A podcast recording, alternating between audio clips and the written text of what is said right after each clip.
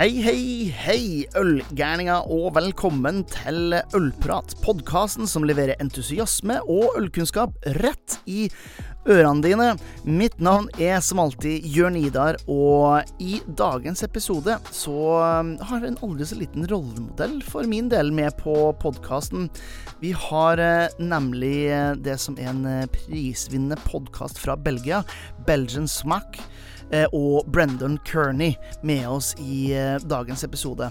Eh, det her er en fantastisk ølpodkast som jeg anbefaler alle å høre på. Og sjøl hvis du er bare i hermetegn interessert i litt øl og om litt mat, så er den òg vel verdt å abonnere på.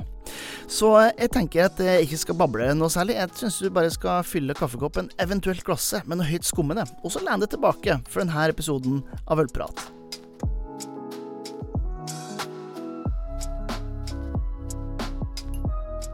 Then I want to welcome to Ølprat, uh, all the way from uh, Kortrijk in uh, Belgium, uh, Breandán Kearney. Welcome to the podcast.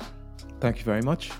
And uh, yeah, not a very unfamiliar uh, uh, format to be doing this because you you do your own uh, your own podcast, which I'm a, a, huge fan of. But that's a little bit of of foreshadowing. So I'll I'll take a little bit of a step back and and uh, just ask you like a, a fairly simple question. Uh, so who is Breandán Kearney?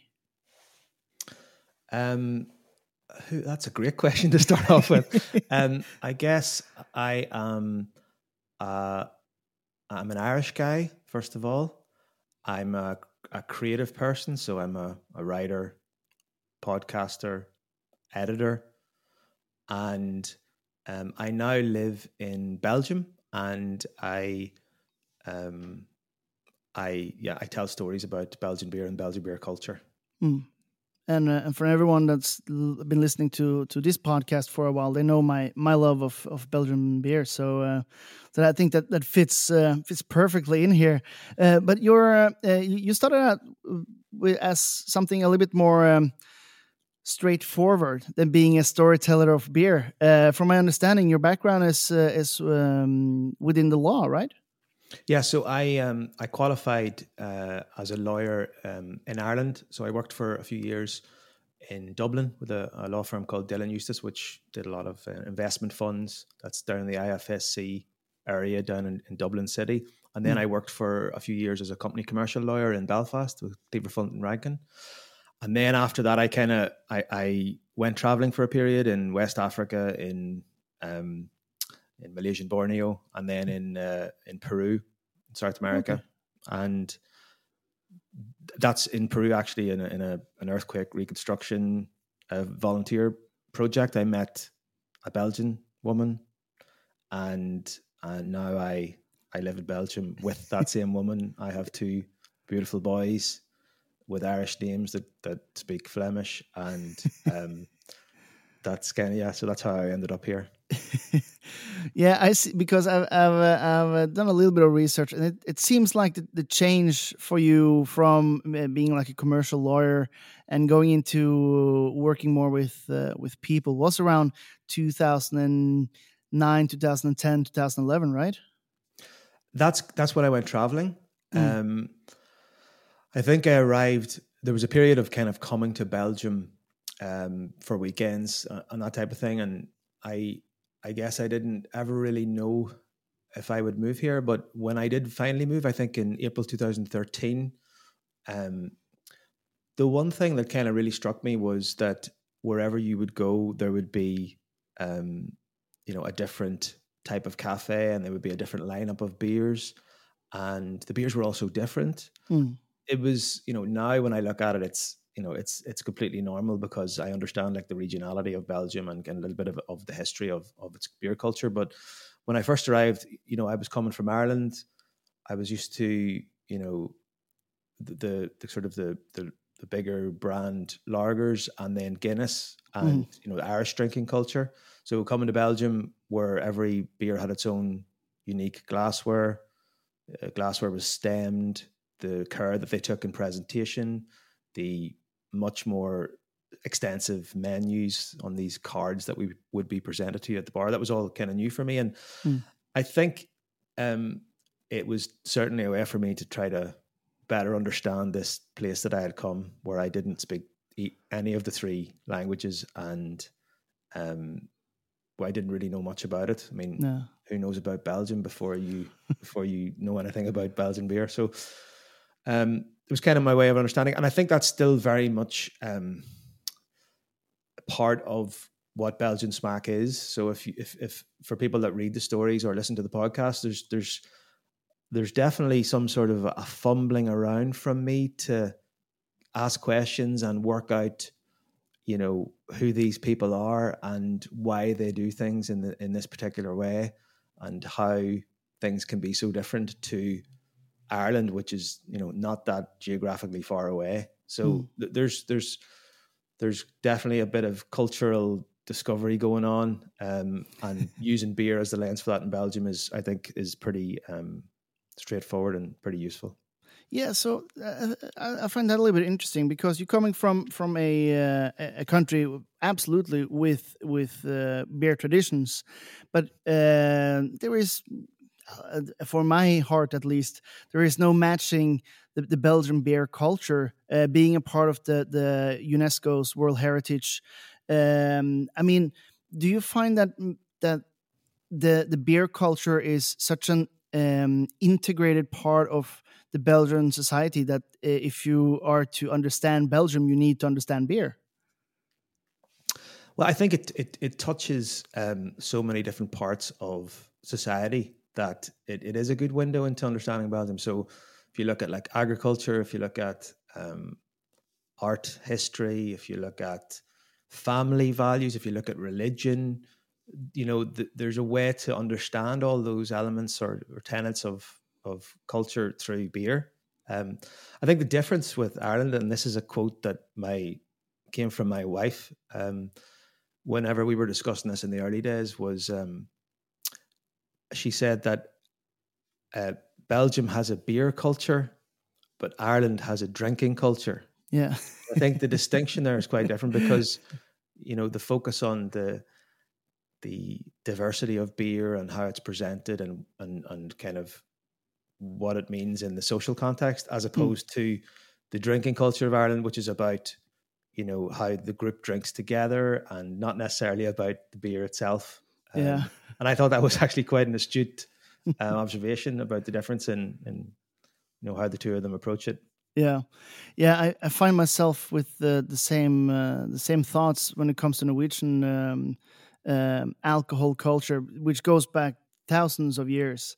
Uh, but have been forgotten uh, in the last about hundred. So since the industrialization started, uh, and now it's not about the the Norwegian beer culture or um, it's it's all about the drinking culture, which is. Um, uh, I would say it's probably not as healthy as uh, many other drinking cultures or, or beverage cultures in, in in general. So so what were your your um, your first like aha moments uh, when you came uh, came to Belgium, when it came to to beer, from what you were used to, and, and coming to uh, coming to stay there permanently? I think the the big thing for me was flavor, um, taste, and I mean Belgian smaak means Belgian taste. Uh, smaak is the the Flemish word for for taste, um, mm. because I just was like that. It's so much more pronounced, and so there's so much more diversity in the flavor profile of the beers here compared to other countries, and the kind of the diversity in the indigenous beer styles that Belgium claims is so varied. Um, so I think that was that was the main thing. I think in terms of aha moments, uh, there's a few um, unforgettable evenings where I um, I had one too many Westmalle triples. Yeah. um, as as most people do. Like a lot of the Irish come over and have one too many Duvels or one too many of this and one too many of that, and they realize the power of the high ABV beers. But um, so I mean, that was just all kind of me figuring out, you know, you know what this what this was all about, and then mm. of course you become curious and you go into a bit of a, a whole researching and you drive around Belgium trying to get your way into breweries and ask some questions and try to document what you discover. Mm. Yeah, because uh, around 2014, from my understanding, is when you started. That's when I found like the the oldest articles um, on uh, Brew Your Own magazine, the homebrewing magazine. Um, from my understanding, also you've uh, written in Belgian Beer and Food magazine. Of course, uh, Good Beer Hunting, which is um, probably one of the uh, top three places for beer knowledge in the world. I would I would say, but but also in in, in this time you started Belgian Smaak. Uh, so you, you have you've gone from uh, from uh, being a lawyer, you've gone into um, to helping and and uh, organizing, um, and and now into basically writing uh, about about beer. What what what uh, what made you take that turn? I know you have a, a bachelor in arts, from my understanding. So is this something that goes like way back, or was your your interest of writing uh, something a little bit? Uh... Um, I guess I I was I always read when I was younger. I was always interested in sort of magazine culture, um, but I think the the I, I, needed to find a way to distill my um, exploration of Belgian beer into some sort of creative format. And I guess for me, the way that I knew how to do that was writing. I think those early days were the, the, the quality of what I was writing was pretty poor, and I certainly went through a, a huge learning curve. I mean, mm. I also was f- fortuitous in that when I started, I was one of the few people um, in the English language also based um, you know, in Belgium on the ground so that I could do some reporting. So yeah. effectively, Belgian Smaak, I was approached then by Paul Walsh, the editor of Belgian Beer Food magazine, which was this wonderful 64 page glossy magazine that treated Belgian beer, you know, like it was like a wine publication. Mm. And it had food pairing and it had deep dive profiles on on brewers and breweries and presented in, you know, in in in a, in a very beautiful way. And then because of because of that and the kind of growing um, amount that I was publishing, um, I think there's a big interest from America in Belgian beer, and yep. Michael Kiser at um, Good Beer Hunting had been had come over to Belgium as well, and the fact that um, that he came across me, I think he he asked me to get on board, and what was you know relatively early days at Good Beer Hunting compared to what it is now, and that obviously was also an excellent learning curve for me. I came across other writers who also turned me on to more narrative writing. And I kind of went down a hole of um, um, American sort of magazine journalism. So mm. the Atlantic, the New Yorker, New York Times Magazine, um, and that, and I started buying books from from writers that I admired outside of beer and trying to use the the tools of narrative writing, um, nonfiction and fiction, to to construct stories which you know I thought I, I tried to have more sort of literary power. Mm. Whether whether I've succeeded or not is another question, but that's kind of always the north star. and and you you translated this uh, after a while into the podcast as well, and I think both for the articles you're you're writing and and the podcast. One of the things which I um, I envy a little bit as a as a creator myself. It's uh, uh, the patience to tell a story that you're having. You you have a. Uh, it it seems at least when I consume the finished product that there is not a there is not necessarily a clear answer you want to get to, but it's the story to to to get there. And with some of these breweries, I wouldn't say the majority, but but the majority of Belgian breweries have a very long uh, history with their ups and their downs and their struggles and their victories. And how have you been? Um, how have you been been um, welcomed by a fairly traditional, old school industry as the Belgian breweries? Um, it's it's not always easy. I, mean, I, always like it when um, international writers have to do a story about Belgian beer because they sometimes message me and they say these people won't answer my emails. They mm. they won't uh, arrange a visit or you know um, it can be very difficult sometimes also to get straight answers from them. Mm. But that's just about sort of building some trust and being persistent because um, they're they're not like a particularly open society or open mm. culture.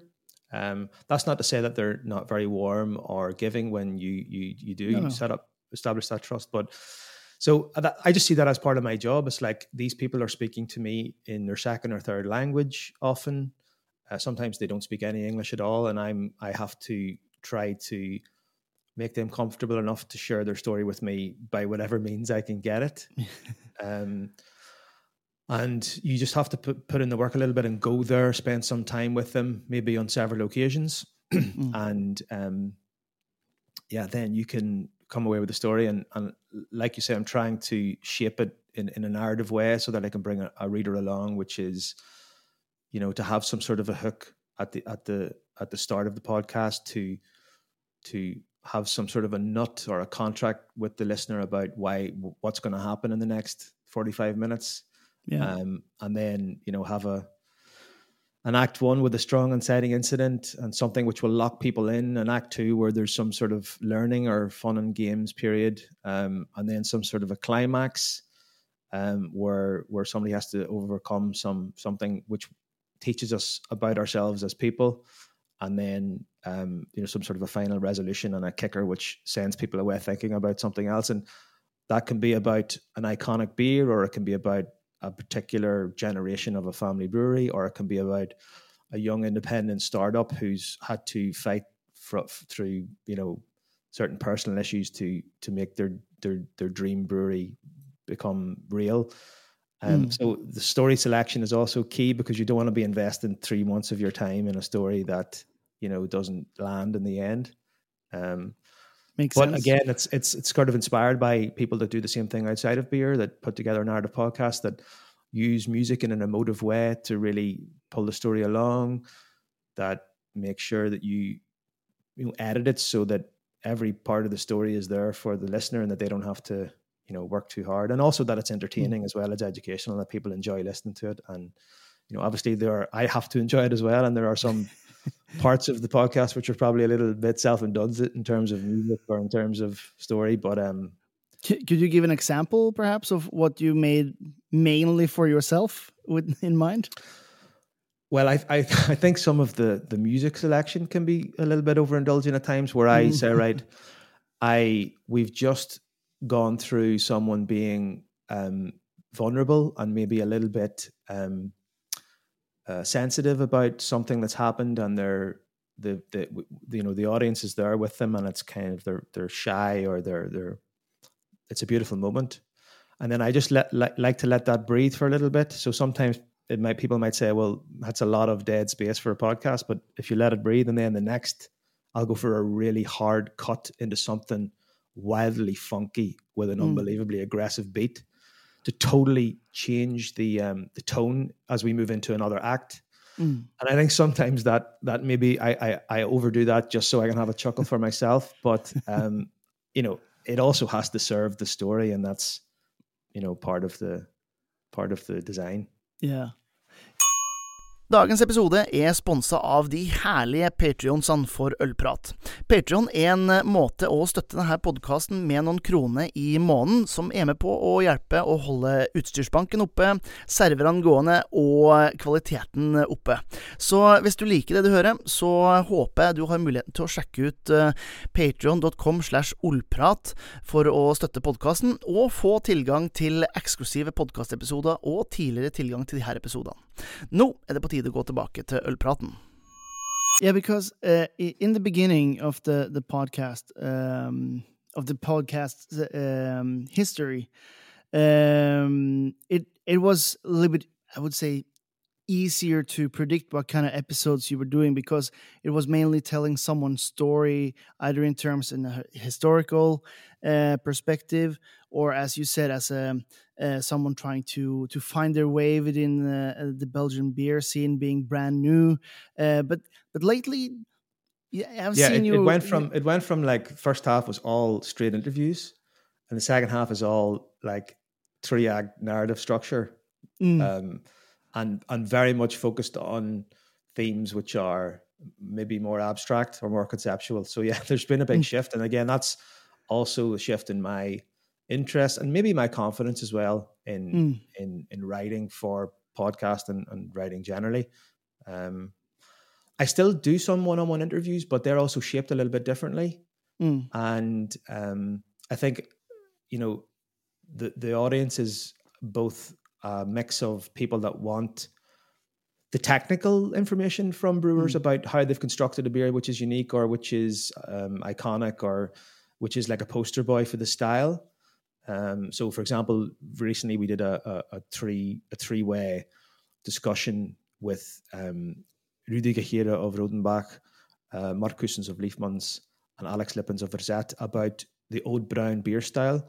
Mm. And I tried as much as possible to push them on exact ingredients and water profiles and um, you know the the ways they were fermenting to to create this kind of sweet sour Flemish ale. But I also wanted to get a little bit into the weeds on what how the beer style is actually connected to the region Mm. and what its cultural significance was and what the threats to it were going forward in the future.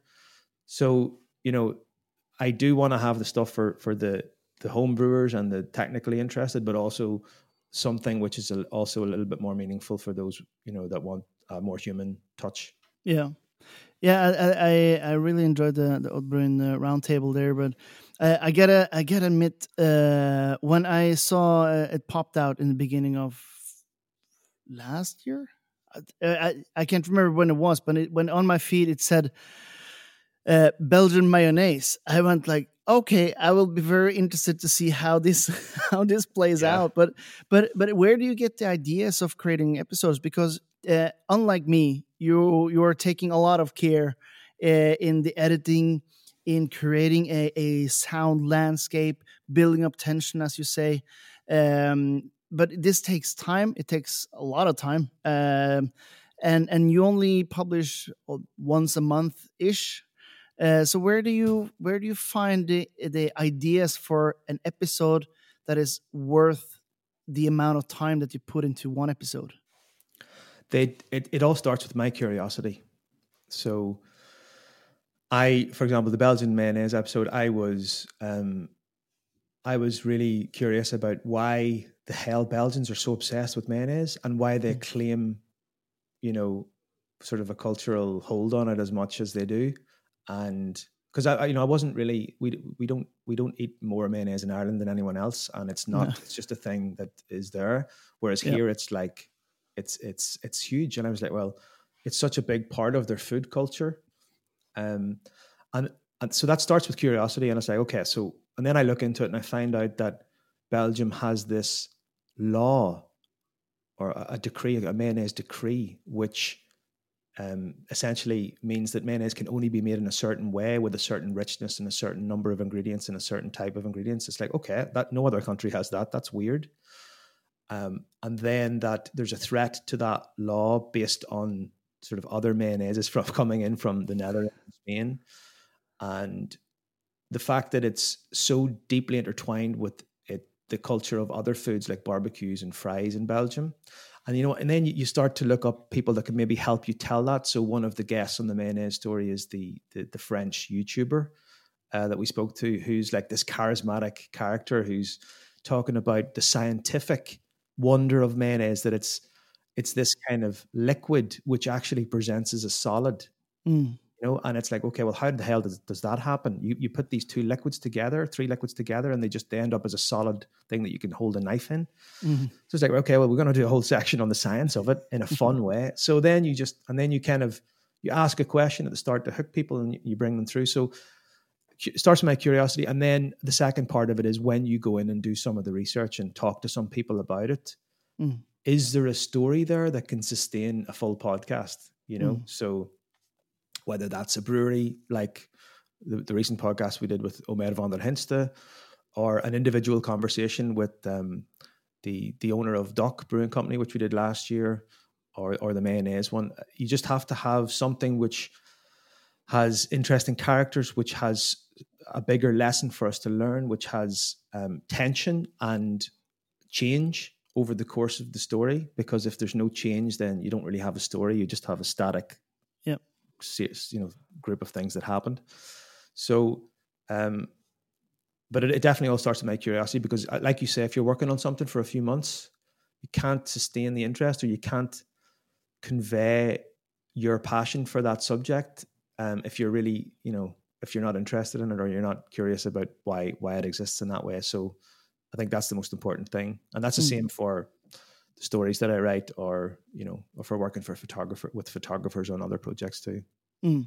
yeah i think you went uh, you you talked uh, about this on your last episode with uh, jerry frank who made the the, the brand bottle new, conditioned Lambic yep. documentary yeah uh, you talked also about the, how um, he was a little bit afraid that he he was he was finding something that was fairly obscured for the rest of the world and how on earth could you make this um, palatable for someone who was not uh, very interested in Brettanomyces. Uh, so I think it's a good discussion for, for people to to search up and listen to that story because it it reminds me a little bit of what you're trying to say here as well. Um, the curiosity and then finding something that can relate to more than uh, yeah, more and, than and a, a very narrative amount of people. It is difficult because, like, if you think about Bottle Condition, it's a film about lambic, and for those kind of already initiated in the beer world, um, we know what lambic is. We know why it's kind of unique, and you know we can start from that base and then dive in deeper. But for people that are just going to watch this, maybe on Netflix, or that maybe you're going to see it at a screening, and they've been brought along by someone who's a beer enthusiast. Mm. The, the, what what does spontaneous fermentation mean? Like, what does yeah. it mean to age something and blend it? Um, where where the hell is the Pajottenland? You know, so you have to and I think it is important to do a lot of these things for for general audiences, but you have to kind of find, you know, something where you know the beer enthusiast and the the newbie can find value in it and that's i mm. think i think uh, jerry frank did a great job in the film and, and made a very beautiful film mm. Yeah, and I think that's a little bit interesting to hear from you, coming from uh, coming from somewhere else, coming from the outside, being a, a foreigner in this land of, of Belgian beers, uh, because it is a business that is uh, much driven by history and families and everything. And then there is, um, in the last 10, 15 years, it's a group of of new breweries, new young people that are trying to to create. Do you see any sort of friction or anything between what is old and established and something new and exciting uh, in in Belgium? Oh, there's friction between the established guys as, as, yeah. as much as there is between them and the new guys. I mean, there's friction all over Belgian beer, whether it's between um, associations like HORAL, mm. uh, between regions for you know protecting their own regional speciality specialities, their dialects. Um, yeah, there, there's there's a very it's a very small country, so there's friction in the market to try and get yourself onto to the the beer menu. Um, you know, it's a it's a competitive industry. It's it's I mean, it's virtually impossible for people to import into Belgium because of the the way that distribution works and hmm. also mm. the way that um, Belgians perceive their own beer. So it, it's really difficult. So yeah, but I mean that that's what makes it interesting. Without that friction or without that tension, then you know it would, wouldn't be interesting at all. you can come from you can spend you know three months working on a story about Lambic, and then immediately jump into uh, talking about saison, and it's just a completely different world. You know, hmm. um, Henegouwen, uh, different location, different way of production, um, totally different flavor profile. Um, and then you can jump into stories about Trappist, and that's you know six breweries, and now five, mm. six Trappist breweries, but five who, who carry the the authentic products uh, logo. So yeah, I mean that's that's the beauty of it. You can jump, and then you can jump into the kind of the the world of smaller independent breweries who are much more influenced by generally younger in age and more influenced by what's happening internationally. Mm. So you know they'll they'll see different yeasts being produced by the sort of the, the, the yeast companies, and they'll try out different things, and they'll be much more open to trying a, a Kveik or an IPA or um, some other international style. Mm. Um, so yeah, uh, the the friction is a good thing, and I think the fact that it's diverse like that is also Belgian beer's strength. Um, I mean, I always thought when I first arrived, you obviously get embedded in the traditional the traditional world, but um, and then I, I thought, well, it's very, very slow moving and very conservative, mm. but in a way that that slow mo- moving and conservative um, element also protects the integrity of the whole scene, including the the more independent, the smaller guys, because um, you don't have this rush to the lowest common denominator. Um, and I, I'm not disparaging at all, you know, f- fruited quick sours or pastry stouts, but if you get saturated with too much of the experimental stuff, then sometimes the the scene can lose its integrity a little bit and i think that's yeah. something that won't happen in belgium because of its more conservative nature but that doesn't mean those things aren't important and everyone should have the right to try everything but um there's there's this sort of pull in belgium to balance and drinkability and a, a particular you know respect for heritage even with the mm. even which the most rock and roll you know young brewers have here because of how they've drank and who who's taught them as they've grown up. Yeah. Um, so that that that's sort of people see it as a negative, but I think it's also something which makes Belgium different from other places. Yeah, yeah, I I, uh, I hundred percent agree. I um I used to work with um, Chimay, and uh, I I really enjoyed their process of trying to uh, innovative, but without going away from their traditions and their values.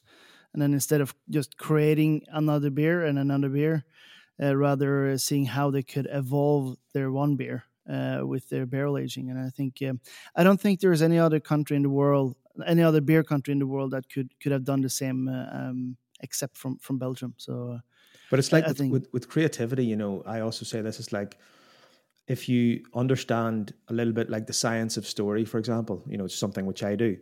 Um, people say, well, that's very, um, um, you're just putting yourself into boxes there and you're not letting yourself have the opportunity for real creativity. But I think actually the more limitations you put on yourself, mm-hmm. the more creative you can be. And um, it also like it, it, it pushes you to, to find solutions within those boxes. So that's why I try to where people think it's formulaic, but it's not at all. And I think it's the same with with with with a, a brewery. If you um, if you can set yourself limits, let take for example uh, Orval. The brewery makes one beer. Okay, they have green Orval, which but but it's essentially the same beer.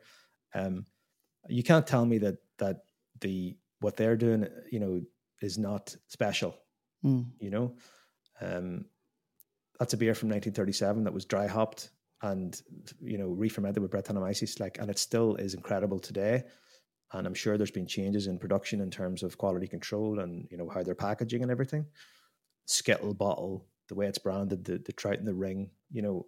But there's limitations in what they can do now, and they still mm. make it exciting for people. So I just think that to to assume that you know innovation always has to be a totally open book and you have to do crazy things is is maybe um, that's that's not the full picture. No, I think um, I think I would uh, I would make the same argument as you. It's easier to be creative with uh, a blank canvas than having one one foot in a two three hundred year old history and trying to be creative within those parameters. I think that's uh, that takes more uh, than uh, just uh, creating something new. So I, I, agree on that. Talking about creating something something new, then. Um, so what you're doing now, uh, of course, you continue to write, you continue to make the podcast, and um, and uh, you're also uh, working a little bit on a, a, pretty special book as well as uh, one of your new projects, right? Yeah. So um, I, myself and Ashley Joanna, who's a photographer, uh, we we signed a, a, deal with Luster, which is like a boutique publishing house uh, based in Antwerp, mm -hmm. for a book called Hidden Beers of Belgium, which will come out in September 2024. Um, Ashley and I work closely together on a series for Belgian Smaak called Humans of Belgian Beer. Mm. Um, if if you know if you've heard of the Humans of New York series, it's like kind of basically a portrait photography series with um, stories and quotes from people in the scene. And again, it's to really um, showcase the the human side of Belgian beer because every um, every everything ingredients everything in production the way we drink it's all sort of got humans at the center of it. So after that project we, we had a discussion with Luster and the hidden beers of belgium book is, is essentially um, it's going to be beers that are kind of lesser known or underappreciated in belgium presented um, with um, lots of um, beautiful photography of the people themselves, of the beers, of the the landscapes and the places that have inspired them. And the the there'll be kind of two sections in each chapter. It'll be the technical information, you know, all the specs on on bitterness and color and ABV and the process and the full list of ingredients and and how the beers were made. And then we'll also have information on where where you can get the beers, um, and you know where you can try them. And then the second part will be a more narrative approach to the beer. So why the beer is important in Belgian beer culture, mm. um, how, the obstacles that these people have overcome in order to produce it, and you know what it brings to to to Belgian beer, um, as well as sort of you know the the uniqueness of flavor and stuff. So we're doing a lot of reporting. We're doing a lot of traveling in Belgium at the minute. Um, it's uh, a really collaborative project with myself, Ashley, and uh, Luster. So I'm really excited about it. It's it's quite overwhelming, you know, in terms of the the work and stuff because you have to try to make sure you include as much of the beer culture as possible in terms of types of producers, in terms of the geography of mm. producers around Belgium, in terms of the types of beers that you're highlighting in the book. Um, and then just in terms of the level of reporting that we're doing to to um, basically make sure every story can really sing and and is as as has a kind of an emotional truth to it as much as mm. we can figure out. So that's something that I'm really excited about, and we're working with a designer in um, Antwerp as well, Double Bill Design, and we've already seen some first um, drafts of of how that's going to look, and it's it's going to look pretty pretty great. So we're very mm. excited about that. Um, so yeah, I mean, I'll I'll um, we're working on getting it finished. I think we're almost halfway, um, but of course there'll be a period of editorial change, and uh, well, it is. Yeah, so we're we're I'm pretty excited about that, but it, it is taking up a lot of time right now. yeah, I can can imagine. Well, hopefully it doesn't take away too much time for uh, for the podcast because it's my. Uh, it's my monthly fix of of uh, Belgian uh, beer culture. Uh, so uh, so I I appreciate uh, if you can keep that up uh, at the same time as you're making a book. I think what we might do is if the, I've had a lot of obviously great recorded interviews that that you know are part of the book, but some of them m- might spin out or dovetail into their own stories on mm. the podcast because I have the audio and I'm already traveling for a lot of them. So um, I think once once I can wrap the book, maybe I can turn my attention to repurposing some of those into podcast stories. Yeah, make makes sense. Yeah, looking forward to that then. Me too. All right, uh, uh, Breandán. I'm not going to take uh, much more of your uh, your time. Um, I appreciate your uh, you you finding some time within the, all the travels and the writing and and and everything. Uh, so before we before I close out here, just a, a, a, closing tradition that that I have. Uh, it's the only question I ask everyone that's that's on, uh, and it's uh, super simple, but it's also super hard at the same time. Uh, and it goes for my my uh, my love of beer and food. And uh, we're recording this on a Monday in May. so the question to you, Breandán, if you were to to pick a beer and food combination to have have today, uh, to enjoy, what would you take? And you're not obliged to say mayonnaise if you don't want to. um, okay, so that's a good one. Well, in the mood I'm in the mood I'm in right now, I think um, I'm trying to um, be a little bit healthier in my in my with my food choices. So I think I would go for like a a chicken salad with mm. like nice nice bit of fried or roasted chicken with some uh, croutons and lots of vegetables in there. It's not so healthy because we're going to put a little bit of cheese in there as well. Well, you got um, to. and with that, I'm going to pair that with um, a very dry and uh, fruity saison mm. with some little bit of sharpness, like bitterness in there as well. Mm. So um, maybe something like uh, saison d'Erpe-Mere from the Glazen Toren. Um, or yeah, or you could uh, go for Dupont of Coeur de Classic or or Suzanne from Hedonis, but something mm. very dry, a little bit of sort of orange, lemon, citrusy vibe going on from the ester profile. Um, not necessarily too much phenol peppery stuff, but that, that I think that'll be nice with also with a nice dressing on the on the chicken salad. So I don't know if that interests you if you want to have that for lunch today. Uh, oh, it sounds like I need to get home and, and make myself some. It's uh, sounds like a perfect uh, spring uh, spring dish for uh, for me at least. All right, Breandán. Uh, yeah, again, thank you for your time. Uh, for everyone's listening, I'll uh, put a link to uh, to Belgian Smaak so you can both read and listen to uh, all the great stories that Breandán is uh, and his team is sharing with us. And yeah, I look forward to hopefully have a beer with you in Belgium soon. You can you can help me. Eh, maybe not mispronounce all the names as bad as I usually do when it comes to Belgians. no problem. Yeah, can't wait. That'd be great. Thank you for the talk. Thank you. Bye. Takk til Brendan for en meget god eh, ølprat, og ikke minst tusen takk til det som fortsatt hører på. Men jeg har merka noe, at eh, det er faktisk eh, færre som hører på hver episode nå enn før, så jeg håper at du kan dele her podkasten med en ølkjenning som du har i omgangskretsen din.